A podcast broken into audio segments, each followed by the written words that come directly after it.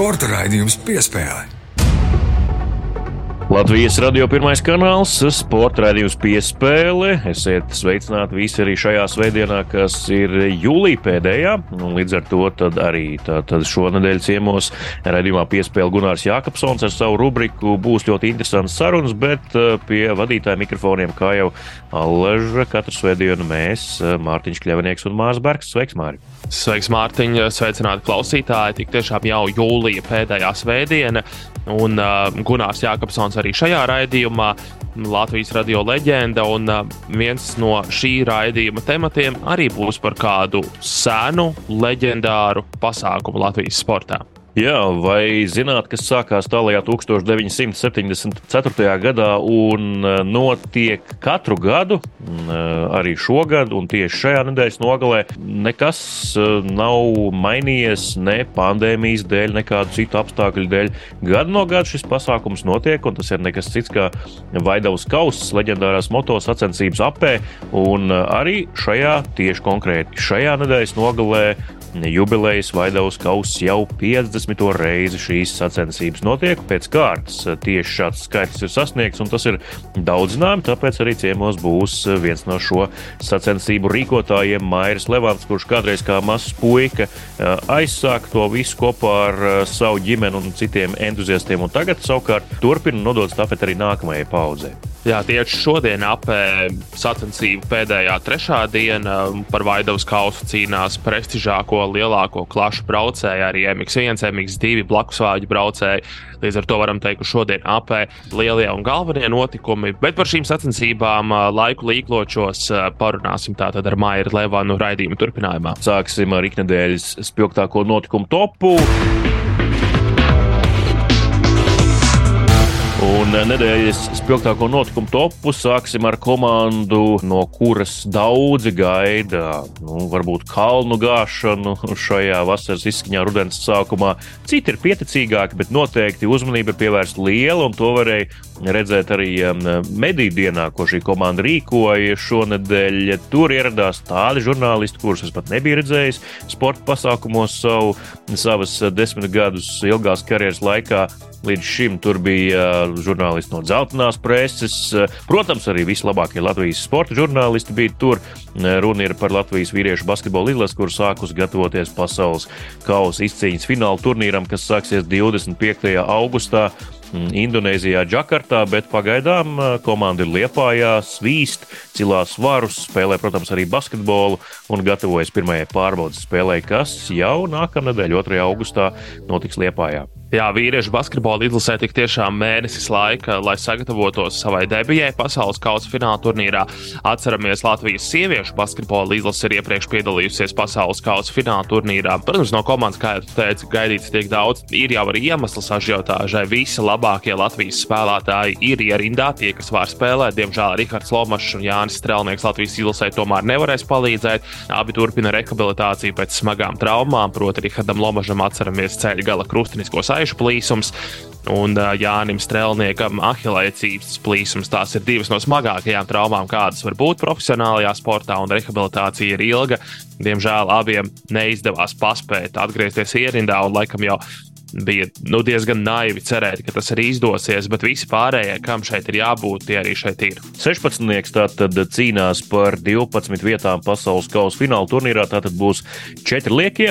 Uz Āziju joprojām došoties 14, kā teica Luka Bankī. Tātad šeit pārbaudas spēlēs Latvijā tiks atrasti pirmie divi liekie un nākamie divi tad pēc tam vēl tur Āzijā un 12. noskaidrošoties vai izkristalizēšoties īsi pirms pašu turnīra pieteikuma iesniegšanas, tā lai pretiniekiem nav kādas priekšrocības ilgāk izpētīt latviešu sastāvu vai kā citādi to izmantot savā labā. Jā, nu, Luka Banka arī aicināja pārāk nesatraukties par Latvijas izlases sniegumu pārbaudas spēlēs.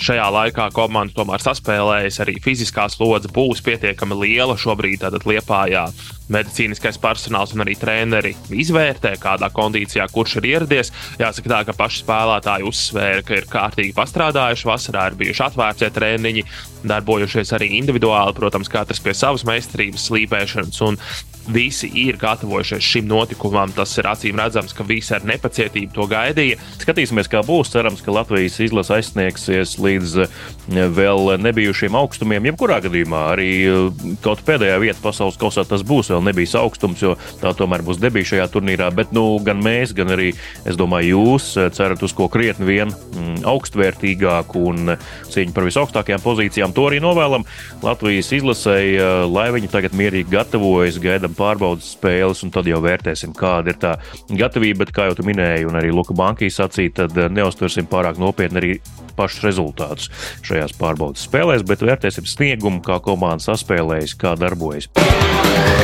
Un eh, šīs nedēļas spilgtāko notikumu topa otrā pieturvieta - futbols, pasaules sporta karalis, un eh, arī Latvijā tas pamazām pārņem karaļa pozīcijas. Vismaz klubu sportā noteikti jau kādu laiku ir pārņēmis komandas četras no desmit Latvijas futbola vislīgas komandām turpina savu dalību UEFA Eiropas konferences līgas kvalifikācijā, proti otrā kvalifikācijas kārta. Visas četras komandas arī šonadēļ spēlēja, tiesa ar mainīgām sekmēm. Laikam ar tādu plusa zīmi mēs varam novērtēt divas, proti čempionu Valmieru un debitanti Ķekaus Audu. No abas Rīgas komandas no tām gan gaidīja vairāk. Jā, es domāju, iesim arī secīgi cauri. Sāksim ar Valmieras spēli pret Repēne komandu San Marino. Jau pirms šī duēļa tika prognozēts, ka nu Valmierai ir jāuzvar, lai tur vai kas, un vēl labāk izlozi iedomāties ir ļoti sarežģīti.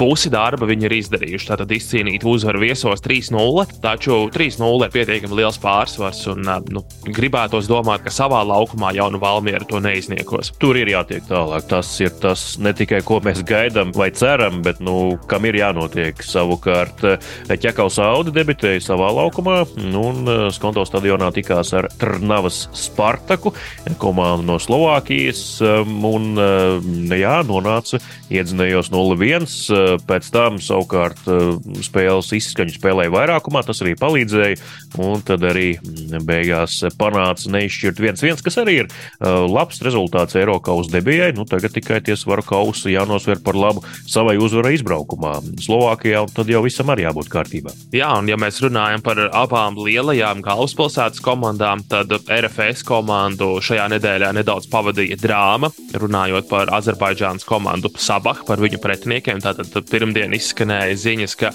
Sabah ir eh, pieprasījuši UEFA pārcelt šo spēli uz kādu citu valsti vai vismaz pārcelt spēles laiku, jo septiņi kluba pārstāvji ir Krievijas pilsoņi un viņiem nav atbilstošas vīzas ieceļošanai Latvijā. Proti, viņiem ir Schengenas zonas vīza, bet citas kategorijas Schengenas vīza. Līdz ar to viņi pat aizno no Azerbaidžānas nevar atlidot uz Latviju.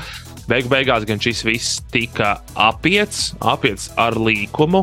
Proti, šie kluba pārstāvji, tostarp galvenais treneris, aizlidoja uz kādu citu Schengen zonas valsti un tad tranzītā atlidoja uz Latviju. Nu, tā tad, protams, šeit var uzdot jautājumus, kāpēc tā, kāpēc tik vienkārši ir iespējams vispār apiet Latvijas likumdošanu un jā, spēle. Un, notika. kas to vēl varētu darīt ikdienā, ne tikai futbolisti, futbola klubu treneri, arī droši vien, ka valstī daudz bīstamāki cilvēki. Tieši tā, un, ja runājam par pašu spēli, tad 0-2 zaudējums savā laukumā. Jāsaka, gan, ka RFS bumba ļoti spītīgi negāja vārtos, iespējas bija daudz. Nu, un komandai ir pamatīgs trieciens arī sastāvā. Stefans Paničs traumas dēļ visticamāk šo sezonu vairs nespēlēs. Viņam galvas kausa lūzums ļoti grūti Azerbaidžānā uzvarēt. Ir jāuzvar vismaz ar divu vārtu pārsvaru, lai panāktu papildu laiku. Nu, pēc tam RFS derēs arī uzvaru 11 metru sitienos, vai arī pat aizno jāuzvar ar trīs vārtu pārsvaru pārsvaru. Nu, katrā ziņā uzdevums ir ļoti sarežģīts viņiem, lai mēģinātu atkārtot pagājušās sezonas panākumus. Nu, un tad eh, Rīga, protams, eh, daudz mēs gaidām no šīs komandas. Eh, arī jau pagājušajā nedēļā ieskicējām, ka milzīgs budžets ir īpaši uz Latvijas fona, un cik es saprotu, ir ievērojami lielāks nekā viņu pretiniekiem UEFA konferences līgas otrās kvalifikācijas kārtas, gan ievadā, gan arī turpinājumā. Nu, un pretiniekos viņiem Ungārijas vicečempioni Kečkemetī un Protams, ka gaidīja Rīgas līdzutēji un arī latvieši tikai un vienīgi uzvaru izbraukumā, bet, nu, diemžēl, zaudējums ar 1 pret 2. Tas nav tas sliktākais. Tas nozīmē, ka Skonto stadionā jāsagaida pēdiņās viņi silti gan tribīnēs, gan arī uz laukuma. Nu, un tad jāuzvar ar vajadzīgo rezultātu, lai divu spēļu summā tomēr būtu triumfs Rīgas komandai. Un pēdējais pieturas punkts šīs nedēļas spilgtāko notikumu topā. Jā, tas ir sporta notikumu tops, tas arī notika sporta pasaules čempionātā, proti, pasaules čempionātā paukošanā. Ukrainieta Olga Harlana uzvar krievieti Ānu Smirnovu, kur ir neitrālā sportiste. Protams, te mēs varam to visu likt pēdiņās. Mm, startē zem neitrālā karoga, bet nemaz nav neitrāla, jo viņas brālis eh, dienu okupantu armijā.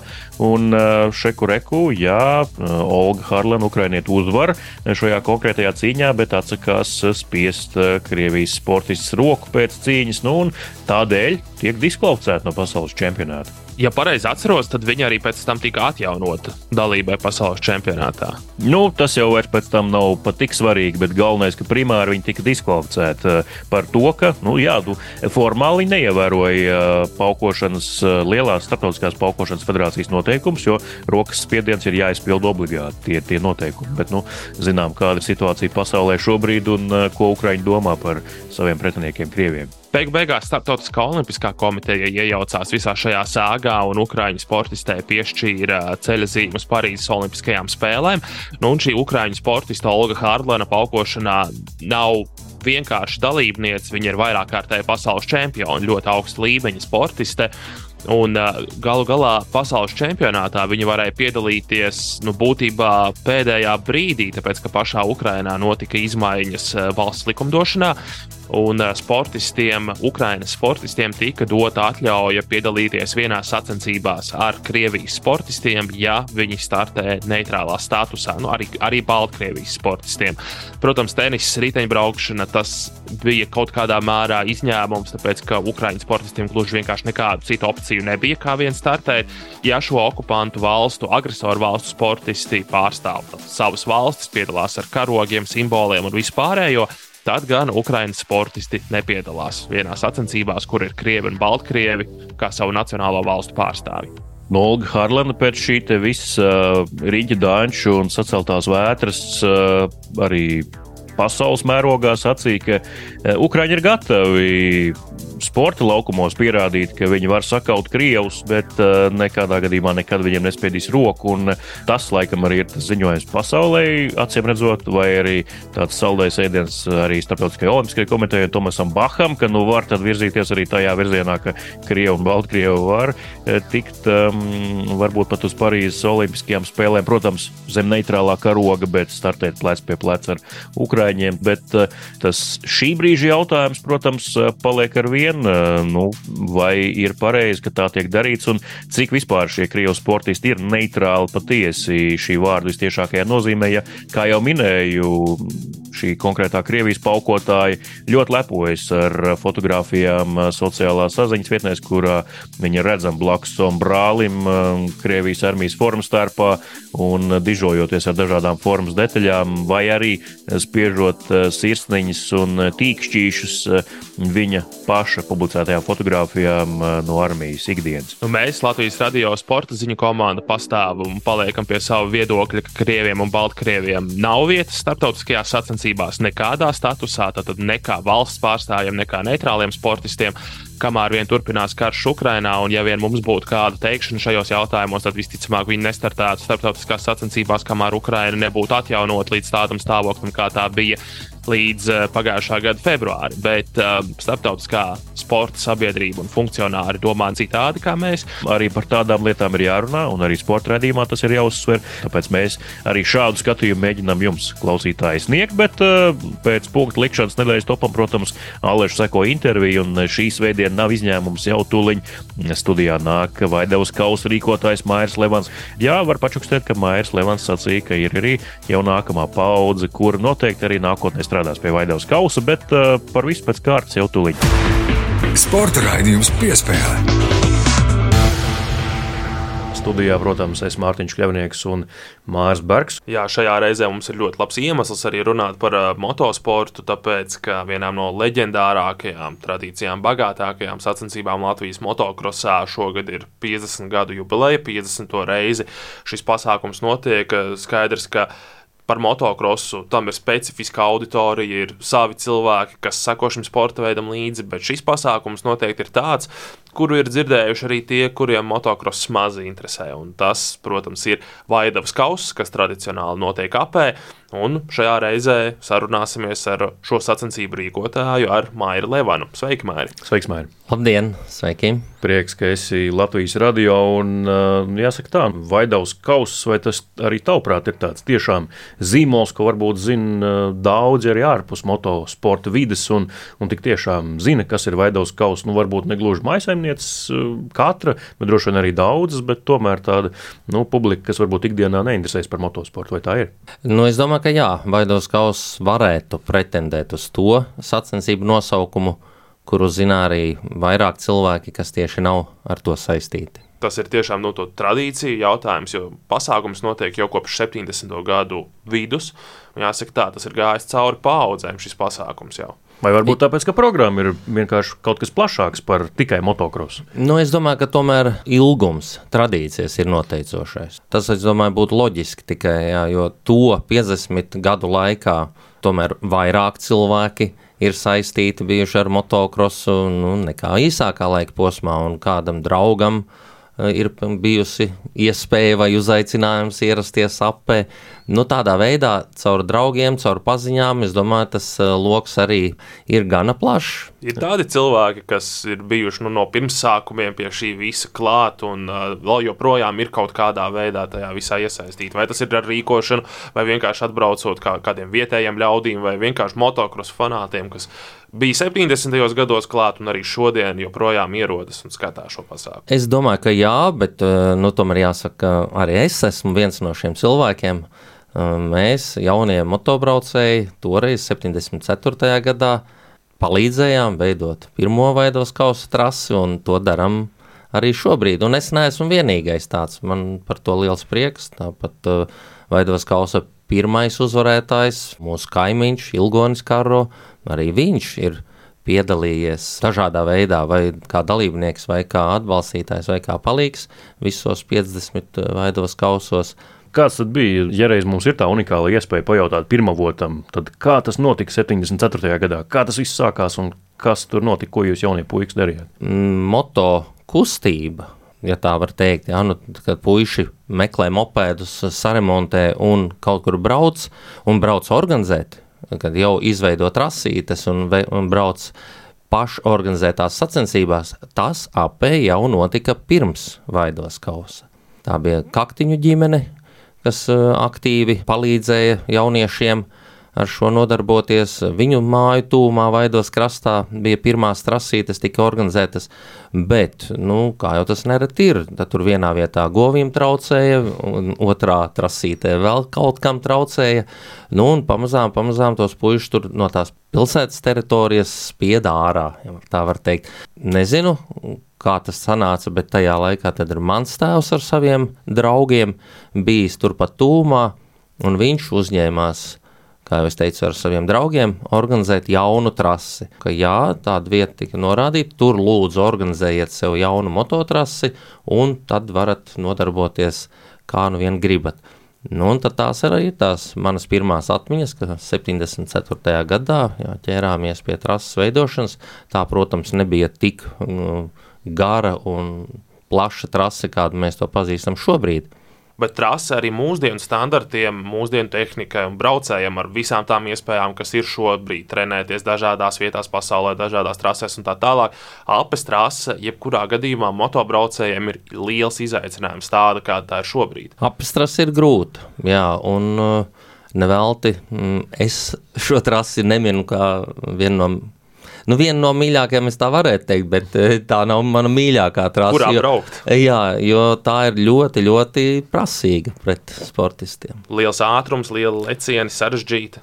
Ātrums eh, varbūt nav tas lielākais, to mēs eh, plānveidīgi un, un pārdomāti vienmēr esam mēģinājuši mazināt vidējo ātrumu mototrasē. Mēs esam tie, kas uzskatām, ka motokrosā ir jāmazina vidējais ātrums. Pati galvenā apistrases iezīme tā ir klasiskā. Ar to mēs domājam, ka tev nav mākslīgi jāveido reliefs. Tie ir stāvi kalni, pati daba mums to ir devusi. Stāvi kalni, turpat ir karjeras stūmā, pūrs, grāvis. Nu, tas viss rada dažādu segumu, trasē un ļoti skaistu dabīgu reliefu. Viens no pieteikumiem tieši šim pasākumam ir, ka tās ir vecākās sacensības Baltijā.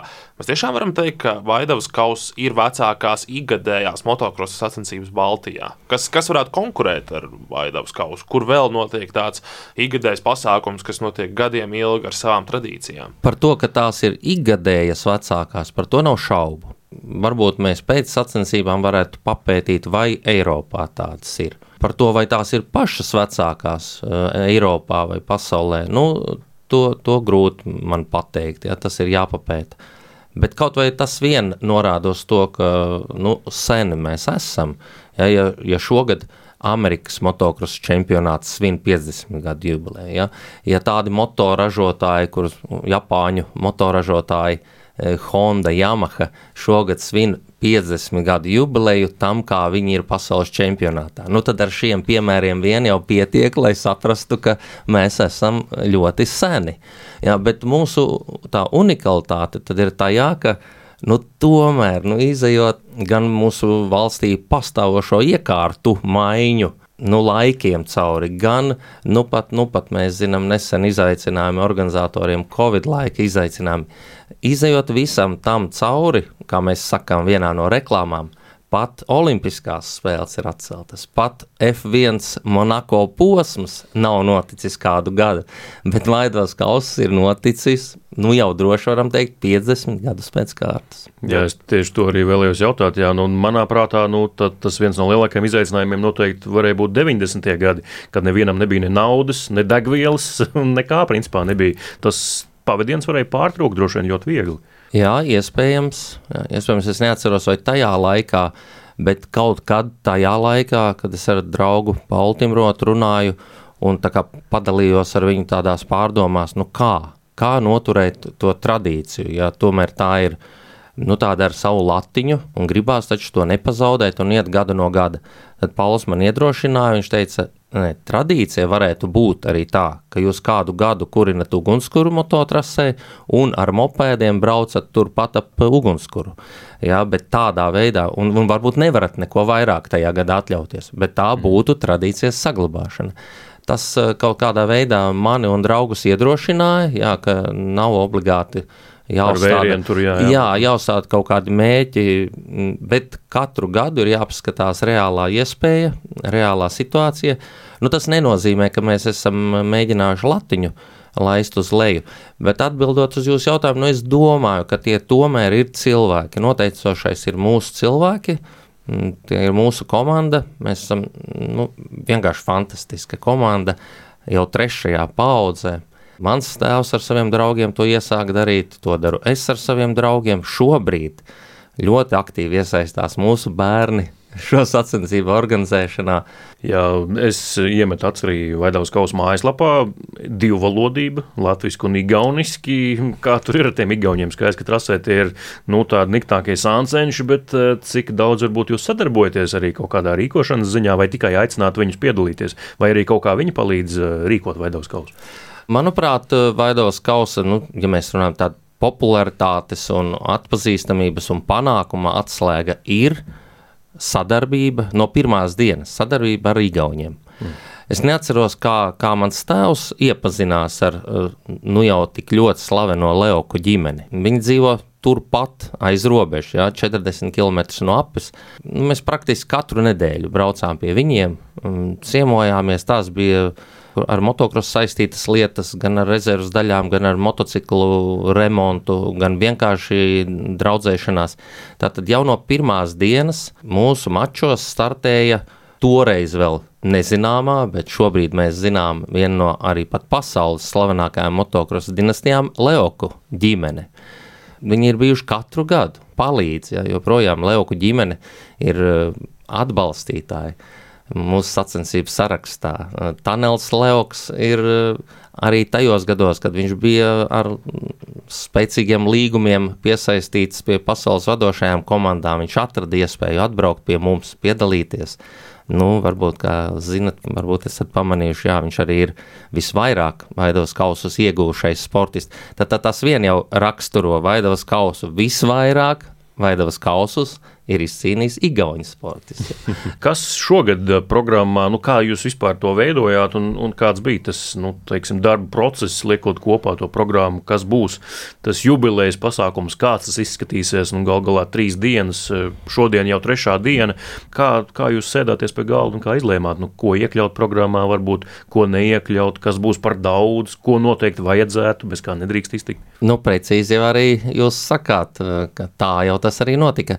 Tā diskusija. Uh, jā, pēdējā gada laikā tas bija ļoti intensīvs uh, darbs. Mēs ātri sapratām, ka jau gandrīz gadu atpakaļ mēs izveidojām nu, tādu saucamu darba grupu. Ik pēc diviem mēnešiem mēs tikāmies, satiekamies, sadalām darbus. Sākotnēji tas bija tieši tā, kā jūs minējāt. Uh, gaidām idejas viens no otra, gaidām idejas, ko tad mēs gribam.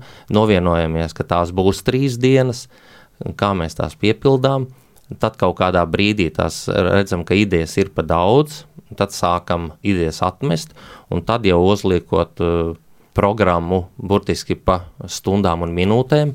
Nu, tāda programma mums bija skaidra, nu, orientējoši 4-5 mēneši atpakaļ. Vaidovs Kausa rīkotājs Mairis Levans šodien pie mums studijā. Mairi, paldies par sarunu! Lai turpinās šis pasākums vēl daudzus, daudzus gadus, lai mums ir iemesls runāt par 60, 70 un arī par daudzām, daudzām citām jubilejām. Paldies, Mērķis, ka atbrauc un uh, lai veicas. Paldies, ka uzaicināt, un paldies par laba vēlējumiem uz redzēšanos. Piespēle. Studijā Mārtiņš Kļavinieks un Mārs Bergs. Tāda lūk saruna ar Mairi Levanu, Vaidavas kausa rīkotāju. Nu, diemžēl uh, uz api, ja neesat turpat kaut kur netālu tūmā, šodien vairs paspēt nevarat un sacensības redzēt, bet noteikti paturiet prātā, ierakstiet pierakstu bloksiņā vai kalendārā, ka nākamgad ir jābrauc uz api, jo es esmu pārliecināts, ka arī nākamgad būs Vaidavs kauss un noteikti vēl ilgi būs, kā jau mēs arī dzirdējām no Maira Levana teiktā, bet uh, ik mēneša rubrika ciemos pie Gunāra Jākapsona un arī šī svētdiena nav izņēmums.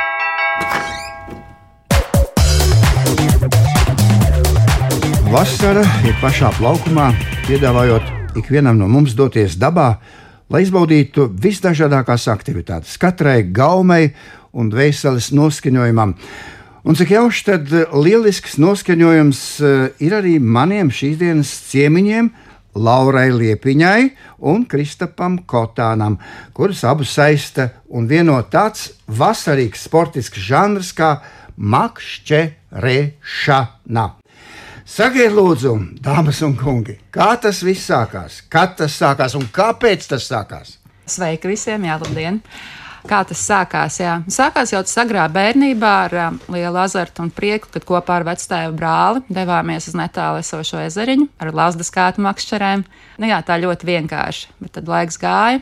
Un es pat nezinu, kā to izstāstīt, bet makšķerēšana ir kļuvusi par tādu ļoti uh, skaistu, baudāmu un pat prestižu sporta veidu par ļoti azartisku. Un jā, blakus man ir Kristaps. Kristaps ir atbildīgais par šo disciplīnu, spinningošanu. No Pagaidām, tikai atbildīgais Kristaps. Mēs tevi sveicam hip, hipurā, kā jauno makšķerēšanas federācijas, cik es saprotu, ģenerāls sekretāru. Hurā!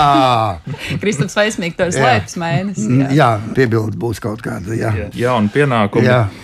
Hobijs, kas aizrauj, hobijs, kas arī ir sports un brīnišķīga laika pavadīšana, sportiskās karjeras turpināšana un atslodz brīnišķīgi no, no ikdienas skrējiena un darbiem. Vai tad tu atceries, tagad skrejot un darbojoties, kad tad bija tas pirmais brīdis, kad tu redzēji, kā pludiņš kustas tur ūdenī? Bērnība, man liekas, tas bija tik maziņš, ka, ka neatceros, bet ir tāda uzplaiksnījuma no bērnības, no makšķerēšanas, spinningošana, pludiņš zivis, stārpa rakšana, zīpšņi no dažādām situācijām bērnībā, bet loģiski tās atmiņas ir no bērnības par makšķerēšanu. Diezgan daudz. Nu, daudziem cilvēkiem makšķerēšana ir gan sports, gan izklaide, arī pārtikas iegūšanas veids.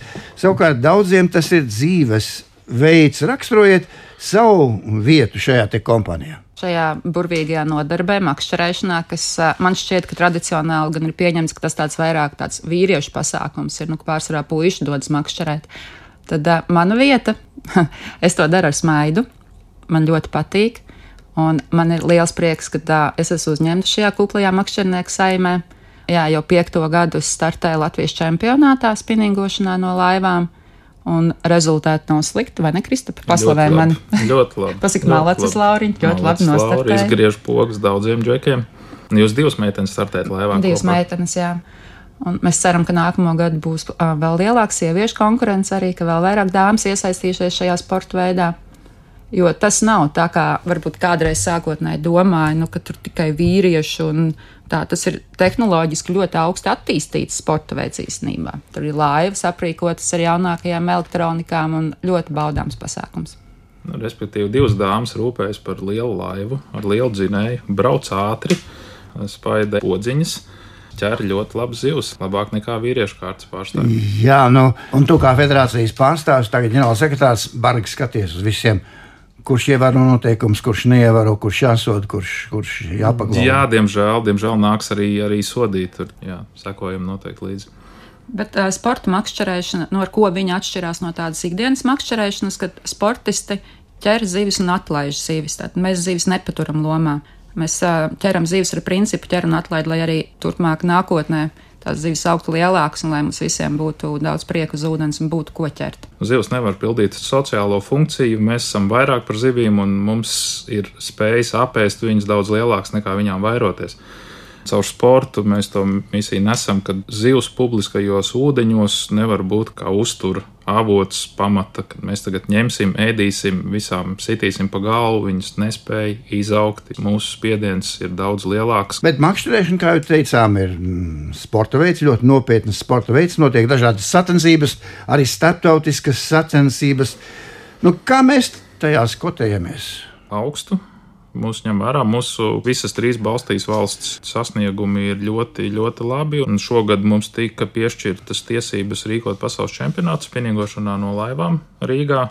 Tur gan sanāca spontāni, jo ASV atteicās rīkot nezināmu iemeslu dēļ, un tad, kā aizvietotājiem, mēs uzreiz pieteicāmies, un šobrīd mēs rīkojam oktobrī pasaules čempionātu.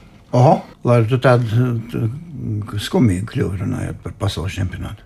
Jā, man sapnis ir kādreiz noteikti piedalīties pasaules Cik tālu tas ir no šīs sapņu piepildīšanas? Nu, vēl, vēl jāpatrenējas, vēl jāstartē un uh, jāiegulda laiks. Un... Kas tad ir tie laimīgie, kas var startēt? Kuras federācija šogad vairāk iemīļojuši vai kā? Nē, nē, tā nav. Ir, ā, ir rezultāti, ir reitings un atlases kritēriji. Un, un mēs ejam uz to Lauru pa desmitnieku stabili visās sacensībās. Tur kaut kur grozās tā, tāpat kā es. Jā. Laura pagājušajā mēs sacensībās kaut kur mēs kopā, jā. līdzīgi. Laura bija mums priekšā, laikam, viena vieta augstāk par mani un pārējie, kas arī pats startēja Latvijas čempionātā. Tā kā mēs kaut kur tur līdzīgi grozamies un arī tiecamies uz to. Varbūt Uz to. kādreiz mēs kopā startēsim. Varbūt kādreiz čempionu. kopā, un tad mēs tur tiecamies uz to, uz to, uz to trīnieku. Nu, visi jau tiecās uz trīnieku, bet nu, nevienmēr, Tieši tā nevienmēr visiem sanāk, jau ir nu. viens mērķis uzvarēt. Bet mēs varam būt apmierināti ar makšķernieku skaitu, vai to ir par maz, vai par daudz, vai kā tas īsti ir. Es domāju, ka makšķernieku mums ir daudz. Un viņi kļūst aizvien Arvien vairāk. vairāk kļūst. Mēs neesam zinātnieki. Tikai pēc sajūtām un pieņēmumiem var salīdzināt ar, ar pārējām valstīm. Es braucu uz Holandu makšķerēt, es braucu uz Somiju makšķerēt. Es un man draugi aizbraucam uz Somiju, un visiem meistarība parādās. Liels dzīves ķert un smags bildes taisīt un palaist viņus vaļā. Aizbraucam uz Holandi. Eh, Visai kompānijai vi- viss ir baigie meistari, viss sanāk un viss ir smuki. Mēs atbraucam mājās un, un vairs nav tās bildes, ko taisīt. Protams, Jā. Ka zīves mums ir, bet, bet, bet mums ir kur tiekties. Mums Nē. nav slikti. Salīdzinot ar Lietuvu, es teiktu, ka mums ir labi. Bet... Bet, Salīdzinot ar Lietuvu, mums ir tiešām ļoti labi. jā, lietuvieši brauc pie mums makšķerēt, kas Jā. arī ir, ir turisms un atsevišķa nozara, bet kārtībai ir jābūt, un mēs zinām, ka var būt labāk. Jā, nu, bet kas gan būtu makšķerēšana bez makšķernieku stāstiem? Nu, tad liekam vaļā par metrīgām līdakām, par simtgadīgiem samiem, par haizivīm, kas ķerts un noraušās vai noķerts. Bet labi, joks nav joks, bet vispār mēs esam dabūjuši haizivi. Nu, tiesa ne Latvijā, bet pie haizivs ir tikts, jā, pie nelielas. Es gan neesmu noķers kā aizjūnai. Mums tāda lemon shark, tāda neliela bija, jā. Tu ar samiem, Āfrikas ar samiem valstīs. kurš no jums vairāk noņems. Ar. Ar Laura- saviem. Kristaps. Ah. Nē, nē, Laura, Laura Sams ķermies jau. Laurai ir sapnis noķert lielu samu, bet kaut kā tāda, bet tāda ļoti liela vēl nav izdevies tikt. Nu, tā kā šis galds noteikti ir. Tā kā noteikts šis galds ā, plat, tā kā platumā, jā, Jā. garumā, nē. Kā tādu dabu laukā. Ja runā par rokām. dāmu, kas, kas, kas makšķerē. Ar, nu, kā, nu, jau notiek lēnām sajūtām. Tu vadi to zīvi, tu ļauj viņai nogurt, un tad, kad viņa ir tuvāk pie laivas, tad cel viņu iekšā ar cimdu, ar roku. Galvenais jau, lai tā zivs pieķerās un dabūtu viņu līdz laivai. Jā. Spinnings, aukla, māneklis un Jā. Un tavs makšķernieks stāsta, kā būtu. Stāst, ko gribi. vienalga. Tāpat neticēsim. Pat Kristap, tev ir iespēja tagad. Jā, nu es domāju, tas viss ir kopums, jo tie, tā, tās emocijas ir galvenās, kas tiek gūtas no makšķerēšanas, sevišķi no sporta. Un tad jau tie stāsti nāk ārā, ka sacensības beidzās. Tad visiem ir putas uz lopām, visiem ir ko stāstīt. Vai un jau norāvās, oi, man tik laba zivs pieķērās, bet, Un, ja nu, norāva. un, būtu, Un, ja un man būtu tā būtu vēl vairāk, un tā paņēmusi, būtu, jā. tad tas tad, tad tirgus sākas. Jā, jā, viss ir lielās un stāsta, kas būtu bijis, ja būtu bijis. Jā, Jā, bet tātad šī gada tops pasaules čempionāts. pilnīgi noteikti. Košamies, gatavojamies, kā tas norit organizatoriski. Darba daudz, vai ne? Darba daudz, bet eh, mums pirms pasaules čempionāta ir ģenerāla mēģinājums. Eh, Garmin Latvijas kausa spinningošanā no laivām. Augusta beigās Rīgā mēs domājam, ka būs simts laivas startēs. Ir mērķis šogad lēnām tuvojamies tam. Televīzijas, tiešraides, translācijas, liela makšķerēšanas laiva galvenajā balvā uz uzvarētājiem sacensību un milzīgs trīs dienu pasākums. Tur būsim Iespaidīgs balvu fons šogad. jā. sagatavojušies pasaules čempionātam. Nu, un tad tāpat norises vieta pie Vanša tilta pilsētas jachtklubs, tāpat pretējā krastā. Būsim pēc šī pasākuma gatavi pasaules čempionātam, kas būs mēnesi vēlāk. Jā, nu tad, tad brīnišķīgais gadu laiks vasara turpinās, turklāt ar pasaules čempionātu un gribētos. Lai īstenojas viss, kas iecerēts, un varbūt arī jums ir kāds padoms, kāds rosinājums sev un citiem, kam makšķerēšana patiešām ir sirdslieta. Es noteikti ieteiktu nekautrēties, uzdrošināties un uh, tomēr piedalīties sacensībās, jo tur tu ļoti ātri audz un mācies. Tu esi spiests treniņos atrast uh, tās zivis nevis vienkārši atpūtas režīmā, bet tu tiešām meklē. Tu, tur gan ar mānekļiem eksperimentē, gan ar ļoti daudz cilvēkiem tu komunicē ar sportistiem. Un tur tu ātri attīsties un audzēji. Tā kā nekautrējieties, startējiet, piedalieties, izbaudiet šo azartu un pasākumu. Un, kā jau Jā, Kristaps teica, Latvijas kausa ir unikāla iespēja, kur var startēt. Principā var piedalīties jebkurš, kuram ir laiva, neatkarīgi no, no motora lieluma, no laivas izmēra. It kā izklausās ļoti vienkārši, to pat tām divām dienām ir jānoķer tikai trīs asari, trīs zandarti un trīs līdekas. Nekas traks, deviņas zivs divās dienās. Tā kā es ieteiktu piedalīties visiem. Es gan teiktu arī, ka dodieties dabā, dodieties dabā, baudiet un neaizmirstiet par jauno paudzi. Ņemiet līdzi bērnus, māciet viņiem attieksmi pret, pret dabu, aicinām piedalīties bērnu sacensībās. Mēs arī 6. rīkojam. Latvijas čempionātu bērniem un jauniešiem spinningošanā no laivām, kas arī ir fantastisks pasākums jauniešiem. 6. augustā, jā, tātad Ķīšu zarā vai nu, Rīgas ūdeņos tiks dots starts bērniem un jauniešiem. Pa vecuma grupām, bet pieteikties arī var jebkurš bērns, pat ja viņam nav sava laiva, bet ir liela vēlme. Nu, ja vecāki nespēja ar viņu kopā izbraukt, makšķerēt, bet ja viņam ir vēlme un patīk un gribās, tad droši var zvanīt Kristapam, var zvanīt arī man. Atradīsim laivu, atradīsim kādu no sportistiem, kurš uzņem savā laivā, palīdzēs, izvadās, izbraukās. Tā tad makšķerēsim joprojām. Paldies, ka atnācāt pie manis ciemos uz studiju šajā vasaras plaukumā. Un ne asakas! Pie vēlna, Gunār. Paldies par sarunu! Ciemos pie Gunāra Jākapsona. Gaidiet, Gunār, atpakaļ raidījumā jau atkal augusta pēdējā svētdienā, bet, nu, ja mēs par svētdienām runājam, tad laikam ir jāizstāsta arī tālākais darba plāns. Cilvēkiem ir jāatpūšas pēc labi padarīta darba, un arī raidījums piespēle. Šādi tad vēlas ievilkt elpu, un Māri tieši nākamā svētdiena būs šāda reize, vai ne?